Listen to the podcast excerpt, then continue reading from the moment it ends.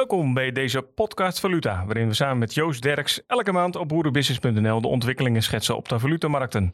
Joost is Head of Desk Nederland bij het valuta- en betaalconcern IBAN First. Joost, welkom. Goedemorgen Erik. Daar zijn we weer. Uh, Joost, eerst een belangrijke vraag natuurlijk. We zitten in een winterse week. Temperatuur is nachts onder nul. Begint bij jou de, de schaatskoorts dan ook een beetje op te komen? Nou, meer de skikoorts eerlijk gezegd. Skikoorts? ja. ja. Ja, maar ik zie nog geen sneeuw in ieder geval. Nee, maar of, daar moeten we ook een eindje voor rijden. Dus dat is meer voor de kerstvakantie. Maar schaatsen is geen scheve schaatsen dus voor jou? Uh. Nee, geen scheve schaatsen sowieso nee, niet. Nee. Maar ook wel. Nou, op de financiële markten was de, de temperatuur uh, gelukkig een stuk hoger de afgelopen dagen. Het heeft cijfers geregend qua rente, inflatie en wat nog meer. Het werd ook al de, de super, super, moet ik het goed zeggen, super central bank week genoemd. Ja. Vijf centrale banken namen woensdag en donderdag een rentebesluit. Uh, vond je dat leuk? Is dat leuk als al, al die banken ja. die cijfers in één keer presenteren? Of ben jij meer van de geleidelijkheid? Nee, voor zo'n vakidioot als ik vind ik dat heel uh, interessant. Ja. Dus dat zou die, die bank eigenlijk uh, vaker moeten doen? Voor dat mij mag op elkaar afstemmen. Ja, een beetje actie.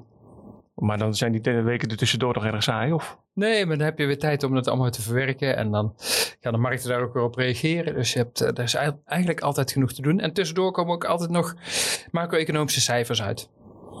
En we gaan straks alle cijfers even doornemen hoor. Maar uh, heb je je wel vermaakt dan de afgelopen dagen? Of viel het een beetje tegen qua nee, verwachting? Ik heb, wel, ik heb me wel vermaakt, ja. Nee, en oké, okay, het was... Uh, de, de rente uh, stappen waren eigenlijk allemaal volgens verwachting. Maar de toelichtingen waren, hadden soms wel wat verrassing. Maar goed, daar komen we Kijk, dat, dat, dat, is een hele mooie cliffhanger inderdaad. Hè? Maar laten we het eens even eh, dichtbij houden. Eigenlijk het laatste cijfer, dat was van de ECB, de Europese Centrale Bank.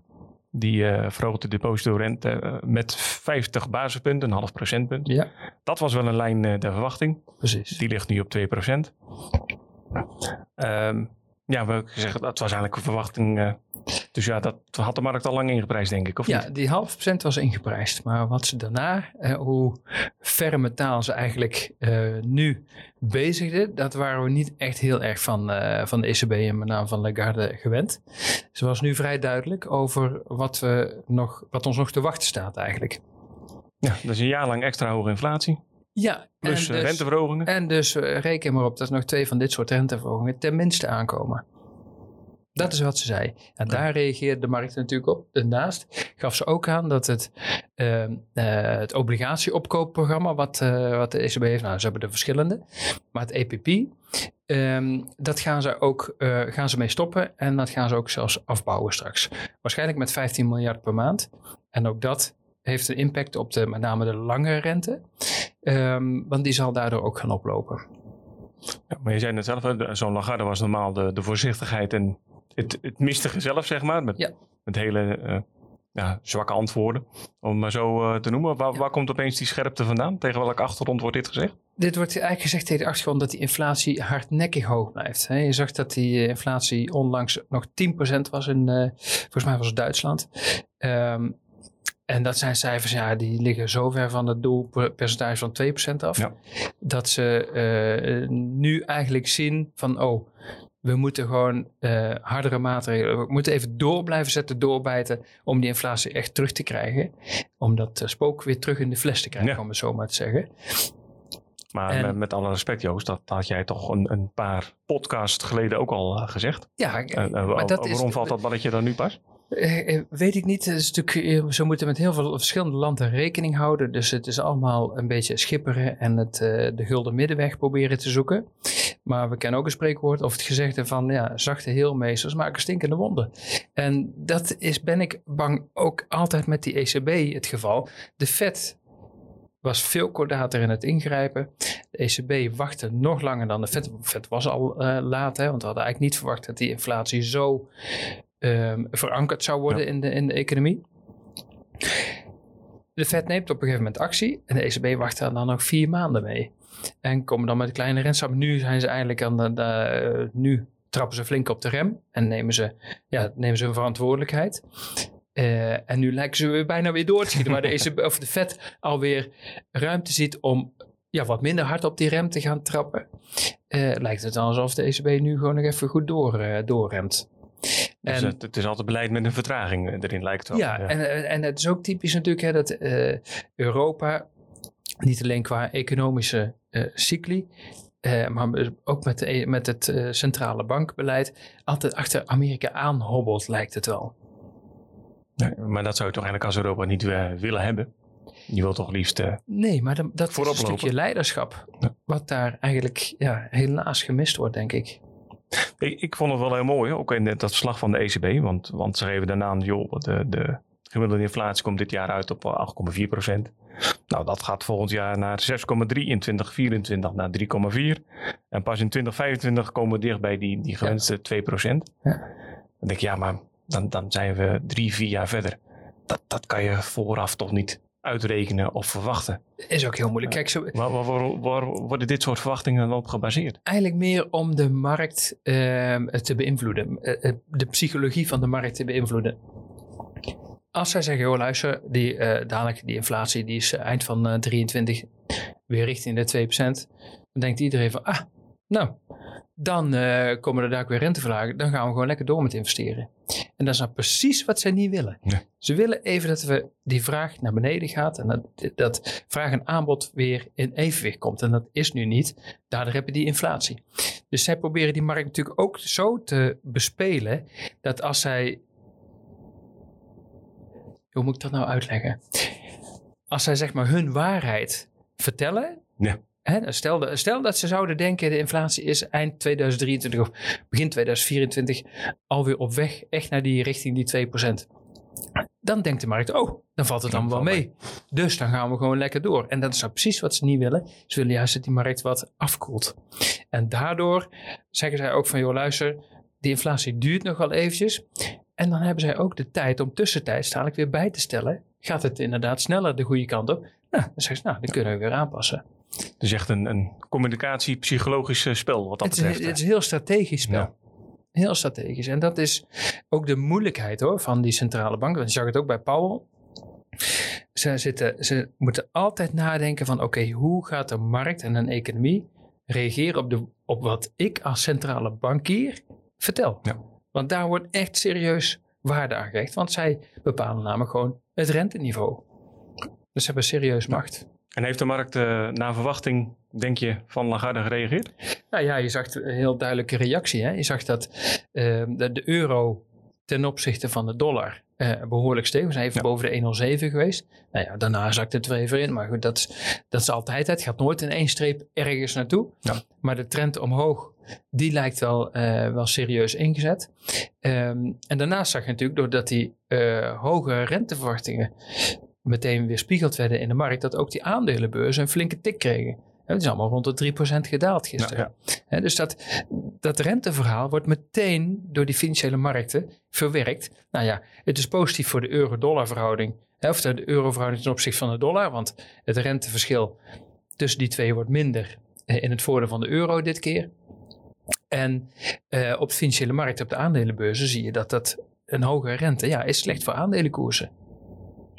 Ja, bijzonder hè, hoe dat werkt. Alleen met woorden, in feite. Ja, ja. en dat, da- daarom zeg ik al, die, eh, wat, wat er verteld wordt door de centrale bank is vaak, daar wordt meer aandacht aan besteed dan het fe- de feitelijke rentebesluit, zeg maar. Hè. Maar Het gaat echt, man, van, van oké, hoe hoe, hoe kijkt de centrale bank tegen het, de renteontwikkeling en de eh, ontwikkeling van de economie aan? En dus ook de inflatie. Ja.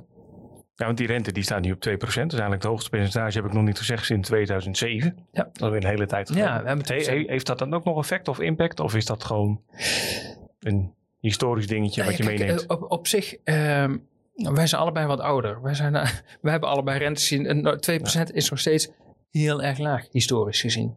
Hè, we, zijn, we komen natuurlijk uit een hele bijzondere periode, waar de rente op, op het negatief was zelfs.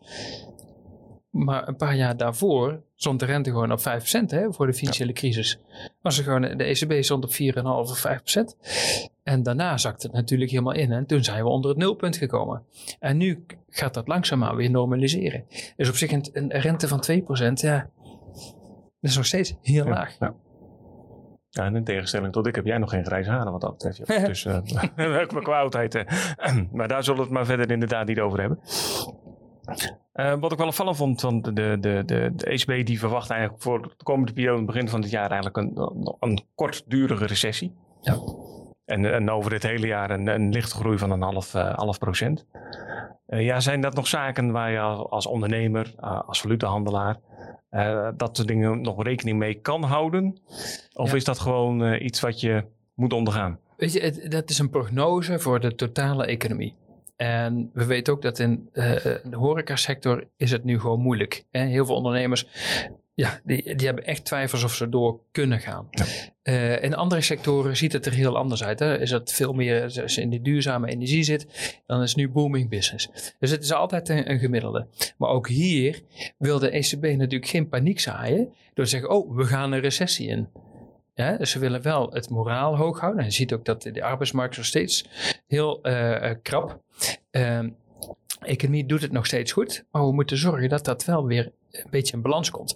En het grote, uh, de moeilijkheid eigenlijk voor Europa is die energieprijs, waar we nul invloed op hebben, ja. um, maar die wel overal doorheen fietst.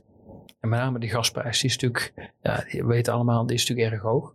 Olieprijs is weer aan het zakken, dus dat compenseert dan wel weer een stuk. Maar dat energievraagstuk, dat blijft toch wel, uh, wel een uitdaging, denk ik. Ja. ja. En uiteindelijk zit dat energie overal in. Ook in het kopje koffie wat wij hier drinken. Ja, want als we voor het komend jaar gemiddeld nog een 6,3% wordt ingeprijsd. Ja, dat, dat, is ook gigantisch natuurlijk. Ook voor een ondernemer. Om dat weer door te vertalen nou, naar de markt en zijn afnemers. Ja. Hoe kan jij in, ben je in staat om die prijsstijging ook door te prijzen in jouw producten? Nou, en uiteindelijk komt dat ook in de, de CPI, als Consumer Price Index, komt dat weer tot uitdrukking. Dus uiteindelijk gaat die, ja, die de inflatie blijft, blijft uh, is hardnekkig, uh, rekentechnisch gaat die dadelijk wel uitvlakken natuurlijk. Want die, die energiestijging is met name van vorig jaar naar nu geweest. Ja. En die stijgt niet meer verder, hè? of tenminste niet heel beperkt. Zelfs daalt soms. Maar dan betekent ook dat die inflatiereken technisch jaar op jaar vanzelf alweer gaat dalen. Omdat die stijging is eigenlijk grotendeels wel geweest. Ja. Ja je hebt ook die maand op maand vergelijking. Ja, en dan vergelijk je het ook weer met de maand die hoger was dan natuurlijk. Dan ja. gaat die automatisch omlaag. Maar dan nog blijft het pijn leden vrees ik, voor veel ondernemers. Uh, ja. Kijk, ik, eh, we ontkomen er niet aan dat we economisch wat, um, wat meer tegenwind krijgen, laat ik het dan zo stellen. Dat, het, uh, dat er wat groeivertraging uh, gaat optreden. Maar of het echt helemaal de recessie ingaat, maar dat, dat, ja, dat denk ik nog niet. Maar goed, ik, uh, dat is misschien zo ook meer hoop. Ja, precies. maar, maar ja. tenminste, wat ik zo om me heen zie, zie ik dat nog niet ja. direct gebeuren. Nee. We hadden net even over de, de euro-dollar. En dan gaf je ook van de rente, uh, Amerikaanse rente en de Europese rente komen wat dichter bij elkaar. Maar nu had de Fed heeft ook uh, aangegeven uh, woensdag de rente met 50 basispunten te verhogen. En die zit al op een bandbreedte van 4,25 tot 4,5 procent. Ja. En wat me ook opviel, net als de ECB een dag later ook de Fed geeft aan, uh, pas een jaar later, ook in 2025, die beruchte 2% te gaan halen. Ja. Maar dan ziet het al eigenlijk, zitten die op uh, één lijn wat dat betreft. Waarom ja. komt zo'n euro dan En dan is het toch omhoog ten dat, dat zo'n uh, een, een, een Powell, die geeft aan voor luister, wij, zijn, wij naderen ons renteplafond. Of tenminste, van, van, wij denken dat de rente gaat, uh, gaat uitkomen uiteindelijk. Om daarna mogelijk weer te gaan, uh, gaan zakken. Nou, we weten allemaal dat Amerika korter op de bal zit. Als dadelijk uh, inderdaad die inflatie onder controle komt. En als de economie in Amerika het wat zwaarder krijgt, omdat de rentestijgingen nu gaan doorwerken in de, de hele economie, dan is de Fed ook de eerste bank om die rente weer een stukje te verlagen. En dat is allemaal, al die informatie, al die verwachtingen worden meteen in die koers verwerkt. En dat is het. Kijk, de, de, de, de Fed zit zeg maar bijna boven op die, op die rentegolf. De ECB, die zit er nog middenin. Ja. ja dus die komt, die, die, dat, dat, dat volgt de Fed. En als straks de Fed al begint met verlagen, zit de ECB pas aan zijn plafond. Ja. even grof, even om precies, het zo te schetsen. Ja. Ja, terwijl er in Amerika die uh, inflatie nog steeds boven de 7% ook in november. Dat was denk ik ook wel een beetje een tegenvaller. Ja, maar je zag wel dat die CPI is wel echt aan het dalen op het moment in Amerika. En dat zie je in Europa nog niet. Dat is net het cruciale verschil. Ja. Nou, pakken we de derde bank er nog even bij. Er zit de Bank of England. Die uh, kwam gisteren ook, ook 50 uh, basispunten of 0,5 procentpunten omhoog. En die zitten nu op een uh, percentage van 3,5 procent. Maar goed, dat, dat lijkt ook logisch hè, om dat te doen, want daar is de inflatie ook nog steeds Uh, die is nog 10,7 procent. Ja, die is nog hoger in Engeland. En, en, dat is toch eigenlijk wel het, het, land waar de meeste problemen zijn als ik zo uh, naar de cijfers kijk. Daar zit de meeste pijn. Ja, daar is absoluut de meeste pijn. Um, je ziet het nu ook, uh, het was op de radio vanochtend ook, staking na staking. Iedere dag staakt er wel een, een overheidsonderdeel He, als het over nou de openbaar vervoer is, of de ziekenhuizen, of de ophaaldiensten, vuilnis, maakt niet uit. Iedere dag is daar wel een staking aan de hand. En je ziet dat het de onvrede over uh, ja, de lonen die men daar krijgt en de, de oplopende kosten, ja, dat, uh, dat gaat wringen nu. Ja. He, dus dat, Engeland zit echt in een lastig pakket. Rente moet omhoog omdat die inflatie krankzinnig hoog is. Uh, de economie heeft heel veel te lijden, merken we nu steeds meer, van die brexit. Heel veel werknemers, buitenlandse werknemers, zijn noodgedwongen vertrokken. Waardoor daar ook dus ja, de economie last van krijgt. Nou, dat uh, dus. Nou, ik was, nooit, ik was nooit heel erg positief over hun besluit over de brexit. Ja. Maar ik denk dat ze nu ook echt wel gaan voelen wat voor een effect dat heeft. Maar is dat een cyclus waar je überhaupt nog uit kan komen dan, lijkt me? Sorry? Is dat een cyclus waar je überhaupt nog uit kan komen? Lijkt ja, maar het kost, uh, dat, dat gaat pijn doen. Tuurlijk, hè, weet je, alles. Je kan uit elk probleem kan je komen, maar je kan dat niet zonder uh, kosten doen. Ja. En die kosten kunnen zijn bezuinigen, uh, minder economische welvaart. Uh, daar zal je doorheen moeten. wellicht oplopende werkloosheid. Je gaat door een stukje een, een dip heen dadelijk om, om dadelijk weer te kunnen ja, te groeien en weer de positieve kant te kunnen gaan zien. Ja. Maar je kan niet door blijven leven op een niveau waarbij de economie nu heel veel last krijgt, inflatie oploopt, koopkracht achteruit holt. Dat kan je niet volhouden. Ja. Dus je moet daar gaan ingrijpen. En dat is nu ook wat de overheid ook doet. Hè? Dus die gaan, die gaan ook kijken, hey, waar kunnen wij wel zorgen dat we dat begrotingstekort, dat we dat uh, financieren. Nou, die gaan dan natuurlijk nu gelukkig bij de mensen halen die het kunnen betalen. En Ja. bij de energiebedrijven die mega winsten maken. Dus ook, ze moeten ergens vandaan halen. Of het genoeg is, dat weet ik niet. Dus het kan ook zo zijn dat er nog ja, meer maatregelen moeten komen Ja. om dat in balans te krijgen. Ja, tegen dat ligt wat me dan, dan opviel, want dat doet de Bank of England wel direct, ook in een verslag. Die geven ook gelijk de stemverhouding weer binnen het bestuur. Ja. Maar dan blijkt ook dat ze lang niet unaniem zijn in, in dit besluit. Dat er eh, twee jaarlijk eh, de rente gelijk wilden houden. En eentje zelfs nog, nog Ja. 75 basispunten wilde verhogen. Ja. Ja, wat, wat zegt dat voor zo'n oneenigheid binnen zo'n... eh, Nou, dat, dat, dat zegt ook dat er veel twijfels zijn over ja, waar, hoe moeten we dit gaan aanpakken. Ja. Ja, er is geen eensgezindheid. Of tenminste minder. De, de, het merendeel wilde wel een half procent. Maar je ziet dat daar, ehm, eh, ja, dat daar meningsverschillen gaan ontstaan. En dat... ehm, ik denk ook dat de Bank of England ook wel ziet van... ja, weet je, als we nog verder gaan ehm, verkrappen... dan krijgt de economie het nog moeilijker. Dus zij zullen met die overheid in gesprek moeten... om te zorgen dat ze enerzijds samen die inflatie eh, bestrijden... maar anderzijds ook samen die economie weer gaan aanwakkeren. Ja. Want je kan het niet alleen. Een centrale bank kan niet alleen het probleem oplossen. Dat zal je echt met de overheid moeten doen. En daar zullen ze gecoördineerd moeten samenwerken. Ja. Anders dan wat met mevrouw Liz Truss eh, Ja. aan de hand was. Want dan zag je ook van, nou, als je dat niet doet, gaat het dus helemaal verkeerd.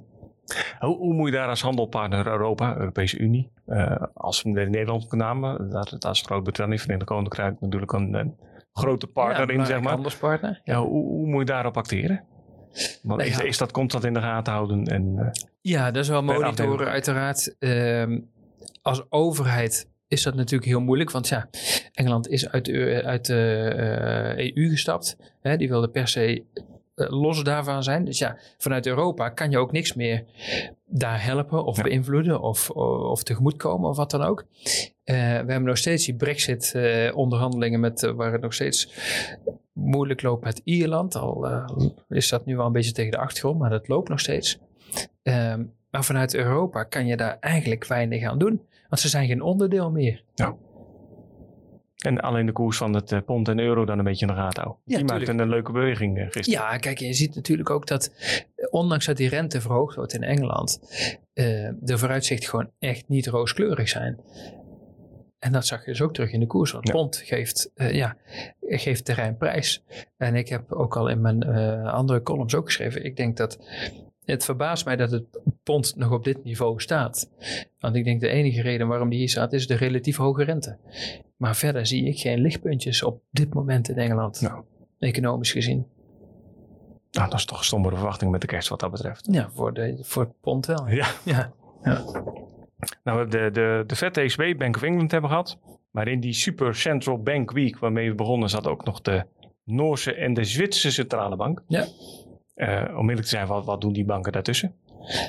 Eh, die hebben toevallig ook een vergadering Wat, is hun impact? Ja? Nee, de impact is veel kleiner. Of Kijk, die de- wilde er graag bij horen. Daar kwam het een beetje op. Nee, nee, nee, want ze- die plannen die vergadering echt al een jaar, Oké. een jaar vooruit. Maar dus het was heel, een beetje toeval dat het allemaal tegelijk samenkwam. Ja. Eh, kijk, de, de, de Zwitsers, d- dat dan nog wel een bank die we een beetje in de gaten houden. Maar de impact daarvan was eigenlijk nul, omdat het ook verwacht was wat ze Ja. deden, een half procent erbij. Ja, ook een half procent. De vorige vergadering hebben ze wel de markt verrast. Want toen had niemand verwacht dat er iets zou gebeuren. Toen deden ze ook een half procent omhoog. Ja. En toen zag je wel dat die Zwitserse frank meteen 2% duurder werd. Dus dat tegenover de euro. Dus dat had wel een impact, omdat het echt onverwacht was. Ja, die zijn er twee keer van 0 naar 1 gegaan inderdaad. Ja. ja.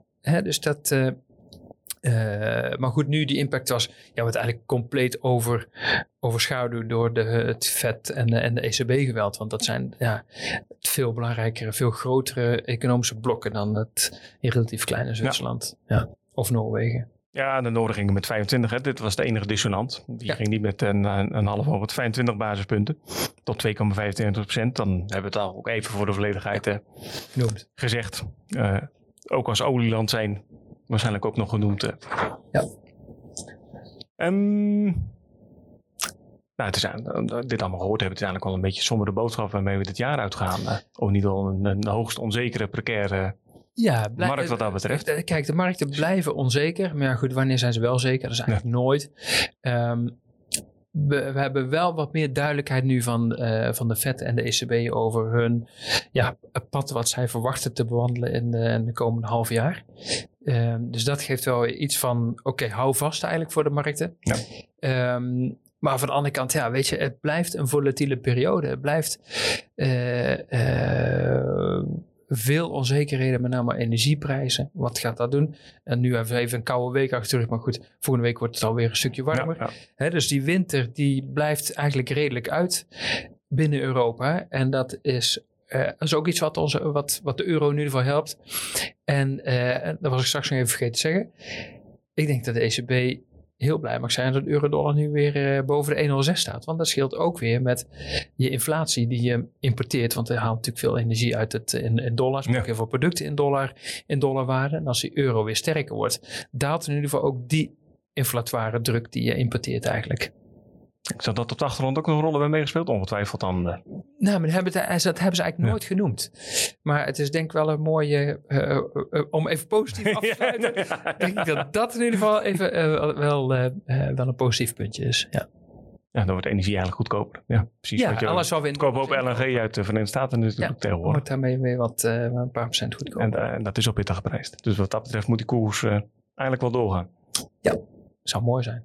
Ja, we zitten natuurlijk aan het einde van het jaar. Wat, wat, zou jij de ondernemers, eigenlijk ook ja, die eigen klanten van, van iemand Vis, wat zouden ze mee willen geven voor het komende jaar? Dat is een goede vraag. Dank je. Ehm, nou ja, als we even kijken naar, eh, naar klanten die in dollars handelen. Ehm, we zitten in, de bandbreedte, hè, want als ik, we hebben al eerder over gehad, langjarige bandbreedte 105, 130 in euro-dollar. Nou, we zitten aan de onderkant nu van die bandbreedte. We zijn er eventjes uiteraard 10 cent onder geweest, maar we zitten nu weer eigenlijk weer in die bandbreedte, maar aan de onderkant. Als je dollars eh, moet kopen voor het komend jaar, zorg dat je in ieder geval wel die onderkant afgedekt hebt, maar hou zoveel mogelijk potentie open. Want de neiging van valuta's is om terug te gaan naar het langjarig gemiddelde. En dat, noemen we, dat effect noemen we mean reversion. Mhm. En dat betekent dat die opwaartse druk ook vanuit technische analyse zeg maar ook daar is, maar Ja. ook vanuit het renteverschil nu. En ik denk dat dat rentestukje ehm nu best wel eens even wat, wat, ja, wat, Ja. wat langere voeten kan krijgen. Zeg maar. Of een, Ook dankzij die support van de ECB die je eh, Ja. wat krijgt. Ja. ja, dus het zou zomaar eens kunnen dat, dat... Kijk, afgelopen jaar was het jaar van de dollar heel duidelijk, hè, met een stijging van 20%. Ik denk niet dat we 2023 dat het weer het jaar van de dollar gaat zijn. Het jaar van de euro dan? Of? Ik denk meer Oké. van het jaar van de euro, ja. Dus dat de euro echt wel kans heeft te herstellen. Dus ik zeg niet dat we weer naar 1,20 gaan. nee. Maar dat we richting 1,10, 1, 1, misschien aan het eind van het jaar 1,15. Ja. ja, dat zou zomaar kunnen. Nou goed, en dat is tegen het licht. eh, Net wat je zegt ook van de energie. Ja. Zou dat een gunstige ontwikkeling zijn? eh. En voor het pond ben ik wat, ehm, ja, voor het pond ben ik niet zo heel positief, maar dat bleek net ook wel. Ja. Ik denk dat we daar echt naar eh, richting 0,90 kunnen.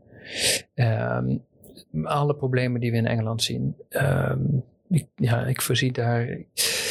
Ik, ik ben bang dat het pond daar eh, eh, onder Ja. te lijden krijgt. Ja. Nou, dat zou wel over uniek. Maar dat zijn eh, dingen die... Of, eh, dat is een koers die niet vaak bij het pond ziet natuurlijk. Nee, ja, we hebben natuurlijk naar de Brexit even gezien. Ja. En we hebben het met Liz Truss eventjes gezien. Ja, twee van die pieken inderdaad. Twee eh, van die grote eh, harde uitschieters. uitslagen. Ja. Ehm, maar goed, op, op, op, op de wat lange termijn zou dat zomaar weer, eh, weer kunnen in, in, in, ja, in zicht kunnen komen, dat niveau. Nou, tot slot, heb je eigenlijk zelf nog goede voornemens alvast voor het nieuwe jaar? Of? Nou, nu voor gezond blijven. En dat, is gezond altijd, blijven dat is altijd handig. Wat Ja. minder, eh, wellicht wat, eh, wat meer, eh, hoe moet je dat zeggen? Minder vlees eten en, en meer, meer groente. Want het is toch wel gezond ook voor je en fruit. Nou, maar pas op, het is wel boerenbusiness. Hè? Er zitten ook een hoop mensen die, vlees produceren. Dus Volgens mij zijn die ook heel met een duurzame gedachte bezig. Dus dat, alles met mate zou je dan zeggen. precies. En met je maten. Ja, en, Ja. inderdaad. Ja. Er zit nog een wintersportvakantie in wat dat betreft. Je begon over de skis. Ja, dus we gaan eh, met, eh, met de kerstvakantie gaan we een weekje naar de windsport. Kijk, dat is beter werk. Ja. Nou ja, dan wens ik je in ieder geval vast een hele goede vakantie eh, toe, Joost. Dankjewel Erik. En bedankt. En sowieso eh, tot volgend jaar januari. Zeker. Heeft u nog vragen voor Joost Derks over de valutamarkten of de financiële wereld? Eh, tik deze dan in en stuur een mail naar redactie.boerenbusiness.nl. En we nemen mee in onze volgende podcast over de valutamarkten. En bedankt voor het luisteren.